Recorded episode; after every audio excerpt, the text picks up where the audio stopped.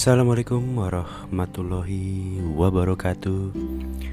Selamat datang di episode terbaru dari Potik Mangga Sebuah podcast tematik bersama saya Mas Angga. Apa kabar kalian semua?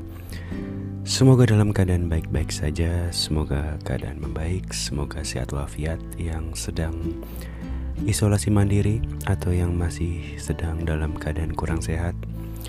Semoga dalam waktu ke depan bisa semakin membaik. Semoga lekas sembuh. Amin.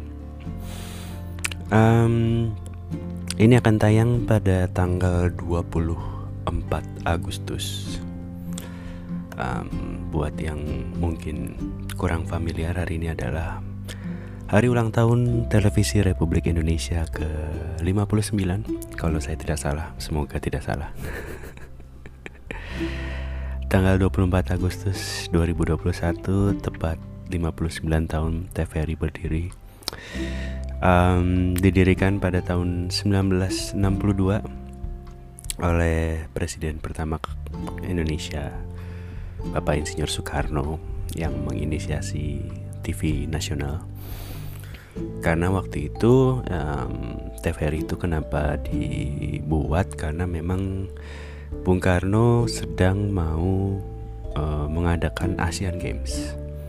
Jadi karena mau ada Asian Games tahun 62 di Jakarta, akhirnya Bung Karno memutuskan untuk Indonesia membuat televisi, televisi yang bisa menyiarkan pertandingan pertandingan-pertandingan serta pembukaan uh, Asian Games. Uh, pada zaman itu tahun 62 itu lumayan jadi sebuah uh, yang terdepan ya di Asia terutama. Kalau di Amerika Serikat dan di Eropa memang sudah lebih dulu. Kalau nggak salah Indonesia itu nomor 4 yang punya TV nasional. Nah, pertama tuh Jepang, terus kemudian uh, negara tetangga kayak Filipina sama Thailand juga udah udah punya TV gitu. Um, gua nggak tahu apa lu semua hidup di era TVRI di mana TVRI masih menjadi uh, satu-satunya televisi yang kita punya. Karena sampai tahun 89 kalau nggak salah baru ada televisi pertama yaitu RCTI jadi sebelumnya memang hiburan satu-satunya TV di Indonesia ya TVRI um, beberapa program yang mungkin ku masih ingat adalah kayak um, album minggu kita album minggu. Album minggu kita. Terus apa? Aneka karya safari. Um, nah, yang legendaris tuh kayak berpacu dalam melodi. Uh, terus kemudian tentunya kalau kita ngomongin TVRI pastinya nggak lepas dari yang namanya dunia dalam berita. Um, buat yang mungkin terlalu muda untuk mengingat Nah, dulu TVRI itu beritanya dunia dalam berita itu jam 9 malam di mana semua televisi swasta nasional wajib menyiarkan merilai. Jadi jam 9 gak ada lain gak ada bukan kita semua nonton dunia dalam berita. Jam 7 juga sih sebenarnya jam 7 ada juga berita nasional kalau nggak salah. Apa ya namanya? Berita nasional kalau nggak salah. Jadi yang jam 7 itu beritanya yang lokal kalau yang jam 9 itu beritanya internasional jadi dua kali sehari kita wajib nonton TVRI jadi lo lagi nonton RCTI, SCTV apa pun itu TV swasta yang ada waktu itu ya siarannya berubah jadi siaran TVRI jadi kalau lo masih inget dulu RCTI ada layar emas. Sebelum ada HBO, ada Netflix, ada Disney Plus Hotstar. Dulu tontonan kita kalau mau nonton film Hollywood namanya layar emas RCTI mulai jam 8 Nah karena film itu biasanya rata-rata 2 jam Maka pas dari jam 8 sampai jam 9 Jam 9 nya kepotong dunia dalam berita dulu tuh. Baru kita lanjut nonton filmnya lagi Anjing emang. Jangan lupakan ada kejadian ngehe di mana gue lupa minimal kayaknya sebulan sekali ada tuh namanya laporan khusus. Jadi habis dunia dalam berita ada laporan khusus biasanya isinya itu tuh temu petani atau temu nelayan. Aduh masa-masa itu ya. Um, kalau lo mungkin dulu inget uh, orang-orang tua kita juga membilangnya kayak gini nih dikotomi antara RCTI eh sorry antara TV swasta dengan um, TV RI bedanya adalah kalau dulu memang konon TVRI tidak boleh terima iklan. Sementara TV swasta itu boleh iklan. Jadi dulu kalau di TVRI antar uh, kalau memang ada jeda antar segmen atau mungkin antar program bahkan iklannya hanya iklan program mereka. Jadi mungkin mirip kayak TV kabel saat ini uh, misalnya kayak HBO atau apa gitu yang di mana kalau nonton di TV kabel kan iklannya lebih ke iklan program mereka sendiri ya. Nah TVRI dulu kayak gitu makanya kalau lu tanya biayanya dari mana TVRI yang pasti dari APBN uh, atau dari pemerintah gitu juga kalau lu masih ingat Dulu kalau kita punya TV, kita harus bayar namanya iuran TVRI, iuran TV. Serius gue nggak bohong. Bentuknya itu kayak hmm, stiker, kayak materai. Jadi dia ada kartunya, isinya ada 12 bulan dari Januari sampai Desember. Kalau kita udah bayar, kita dikasih stiker buat kita tempel. Atau ditempelin sama abang-abangnya jadi bentuknya kayak perangko. Waduh kalau nggak tahu perangko kayak materai lah. Kayak materai sepuluh ribu gitu. Nah itu persis tuh kayak gitu. Jadi kalau udah bayar uh, ditempelin tuh di kartunya. Dulu bahkan ada petugas yang nagihnya itu keliling dan sekaligus razia. Jadi dia kayak ngeliat ke dalam rumah lu punya TV nggak? Gitu. Karena waktu zaman itu juga banyak banget orang yang males bayar bayar iuran gitu. Masa ya gue bayar iuran punya TV gue bayar iuran gitu. Nggak mahal sih singkat gue kayak cuman seribu rupiah atau bahkan mungkin paling mahal dua ribu atau tiga ribu kali ya. Dan kalau nggak salah beda inci TV-nya tuh harganya beda. Itu juga aneh banget sih.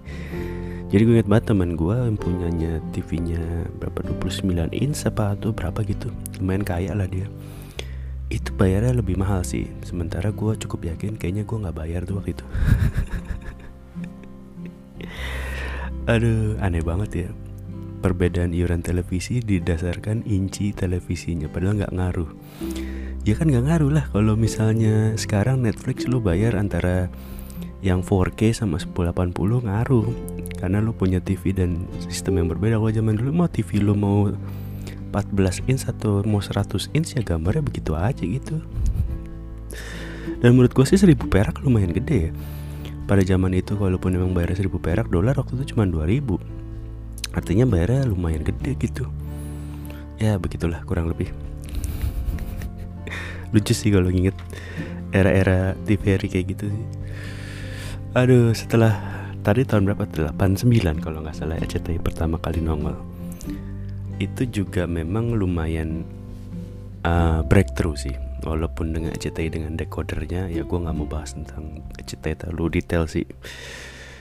Um, intinya sebenarnya TVRI memang sejak kemunculan TV-TV swasta itu memang um, sedikit kalah pamor.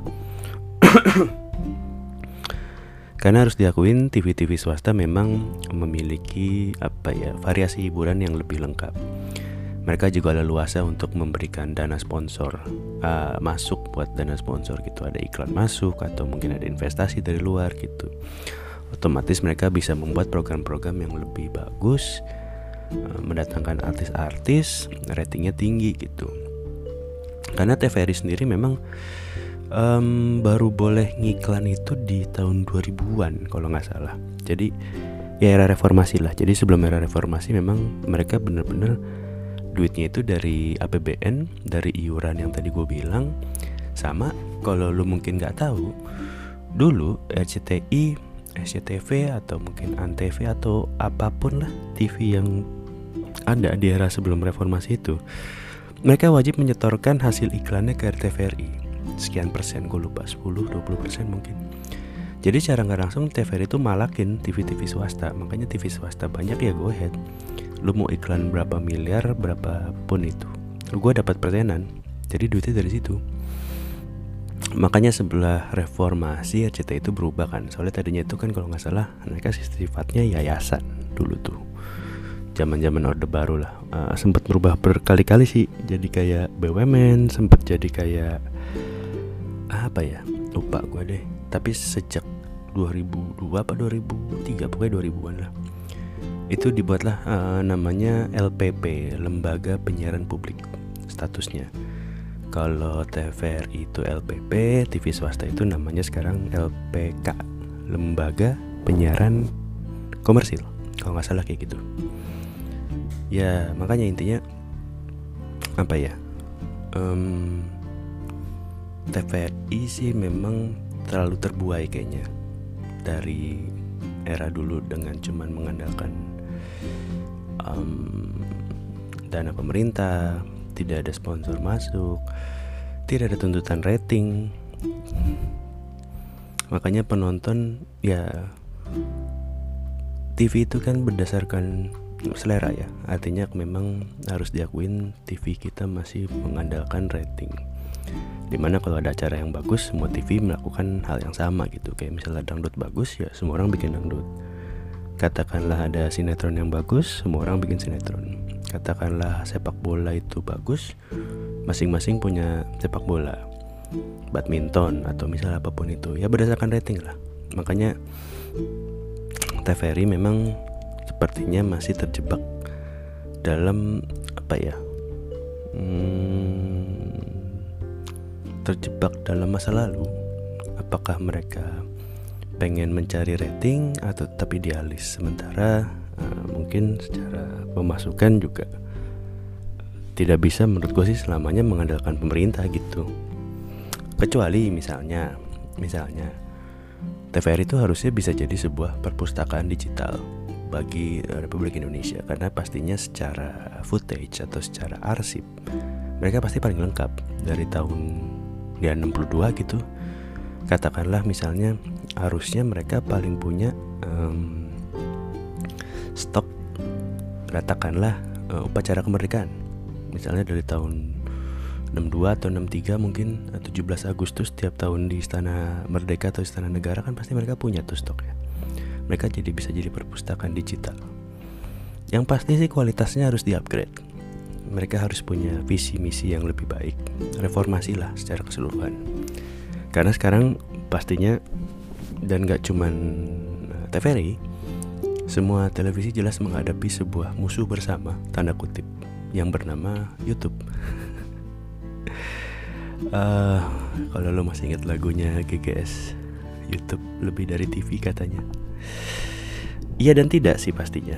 Um, karena memang harus diakuin dunia digital itu memang menurut gue mengkomplementer uh, TV terestrial atau TV uh, free to air yang ada. Jadi bukan substitusi tapi lebih mengkomplement. TV um, TV konservatif TV-TV yang ada sekarang mah nggak bakal ada mati. Karena memang terutama di Indonesia terutama di Indonesia akses untuk internet atau mungkin sinyal pastinya belum merata artinya masih banyak penonton-penonton yang masih mengandalkan TV sebagai uh, hiburan utama mereka. Orang-orang yang memang masih belum bisa memilih untuk pindah ke digital atau ke YouTube atau ke internet provider atau OTT atau apa pun itulah. Artinya memang untuk mungkin berapa? 10-20 tahun ke depan gue rasa sih masih sangat berjaya televisi di Indonesia terutama di kota-kota yang mungkin masih minim sinyal. Mungkin ya menurut gue sih. Walaupun memang um, YouTube sendiri apa namanya um, sorry maksud gue beberapa televisi memang sudah punya akun YouTube sendiri gitu. Um, kalau lo tahu kayak misalnya um, Trans TV eh sorry Trans 7 itu YouTube subscribernya udah 20,5 juta Indosiar itu di 17,9 juta SCTV di 15,5 juta Trans TV itu di 14,5 juta RCTI 13,6 juta MNC di 12 juta Kompas 9 hampir 10 juta dan sisanya masih di bawah 10 juta sih. Artinya apa? Artinya maksud gue TV-TV ini pun sudah mulai mengupload program-program mereka yang mereka tayangkan di TV untuk bisa tayang di YouTube. Karena memang menurut gua satu satu hal ya mengenai dunia digital dan mengenai YouTube itu itu memberikan kebebasan bagi para penontonnya untuk menonton di jam-jam yang memang mereka suka maksud gua gini ketika lu zaman dulu atau sebelum era YouTube ini kan um, ketika sebuah tayangan tayang jam 7 malam gitu katakanlah dulu sidul anak sekolahan tayang jam 7 malam gitu misalnya atau jam 8 malam. Ya kita dari jam 8 kurang 5 udah standby depan TV nyiapin segala macem jam 8 mulai kita tonton. Dan di era sekarang ini gue rasa itu kemewahan yang kadang tidak semua orang bisa milikin gitu. Kadang gue bisa nontonnya jam 1 malam ada yang bisa nontonnya jam 8 pagi ada yang bisa nontonnya siang atau mungkin nontonnya di hari lain. Artinya memang um, itulah kayak uh, unggulan dari dunia digital gitu. Mereka menonton pada saat waktu yang mereka nyaman. Dan itu yang harus bisa dikejar oleh TVRI menurut gua. Untuk bisa pindah ke dunia digital juga dengan membangun sebuah apa ya channel YouTube atau mungkin mereka punya akses digital sendiri nggak bisa disalahin juga sih menurut gua sih karena tiap-tiap itu juga punya website sendiri dan juga menaruh di YouTube gitu. Dan kalau kita lihat potensinya gitu ya Indonesia dengan 270 juta potensinya gede banget gitu. Kalau memang nanti semuanya bisa berintegrasi. Um, gue pernah baca ya um, di antara 50 top top top 10 apa bahkan top 20 deh kalau nggak salah top 20 YouTube account dengan subscriber terbanyak itu ada 5 yang dimilikin oleh akun uh, YouTube dari India dengan bahasa Hindi. Kalau nggak salah bahkan yang nomor satu itu T series itu 189 juta itu dari India berbahasa Hindi. Kemudian nomor tiga itu set India di 111 juta. Kemudian kalau lo tahu Z ada Z Music sama Z TV. Z Music itu di 75 jutaan, Z TV itu di 58,6 juta. Sementara di peringkat 20 itu Sony India 54 juta subscriber. Artinya menurut gua sekarang TVRI harusnya bisa membuat sebuah akun YouTube yang bisa menayangkan hal-hal yang sifatnya nggak bisa dipunyain oleh TV lain. Ya, menurut gua kalau tadi gue bilang TVRI itu seperti terjebak di masa lalu, ya menurut gua masa lalu itu juga merupakan senjata mereka. Mereka punya arsip dari tahun berapapun itu. Dari SEA Games, dari mungkin kemenangan Susi Susanti tahun 92, dari misalnya katakanlah pidato-pidato presiden lengkap pasti. Artinya kalau itu ditayangkan atau diupload ke YouTube untuk buat masyarakat bisa belajar atau mungkin bisa sebagai bahan um, referensi sejarah, kenapa enggak atau misalkan kalau mau ekstrim ya dari pemerintah bisa mewajibkan seluruh rakyat Indonesia selain wajib vaksin, wajib punya IKTP, wajib subscribe TVRI. loh, loh, kenapa enggak gitu loh? Kenapa enggak kita diwajibkan mensubscribe RCTI? Gue sih nggak masalah. Eh TVRI, gue sih nggak masalah. Dari 270 juta kita punya subscribe 50% aja kan dari 135 juta. Lumayan loh. TVRI udah nggak perlu APBN udah hidup dari AdSense itu. Bisa giveaway kayak Baimong atau memang mungkin misalnya katakanlah TVRI jadi sebuah ya mungkin ini agak sedikit balik ke zaman Menteri Penerangan zaman dulu cuman menurut gua kan nggak ada salahnya di mana ketika um, pengumuman atau misalnya hal-hal yang bersifat press conference dari pemerintah itu ditayangkan di akun YouTube TVRI. Jadi bukan di akun Setnek, bukan di akun kementerian, tapi di akun uh, YouTube TVRI. Jadi semua yang hubungannya dengan pemerintah pusat, kalau lu mau nonton lu relay ke akun YouTube TVRI. Gede kan AdSense ya? Jadi nanti di akhir pidato gitu misalnya kayak lu kemarin kan um, Pak Jokowi kan memang udah beberapa kali mengumumkan perpanjangan PPKM lewat akun YouTube uh, Sekretariat Negara. Nah mungkin uh, bisa lewat akun YouTube TVRI. Jadi pada saat Pak presiden mengumumkan perpanjangan ppkm jadi di akhirnya um, terima kasih sudah mendengarkan atau menonton uh, video kali ini saya, saya juga ingin ingatkan kepada seluruh rakyat Indonesia untuk jangan lupa subscribe, like, sama komen akun YouTube ini. Aduh, udah, udah kepanjangan. Sekali lagi selamat ulang tahun TVRI. Semoga ke depannya bisa menjadi stasiun televisi yang membanggakan bagi kita semua.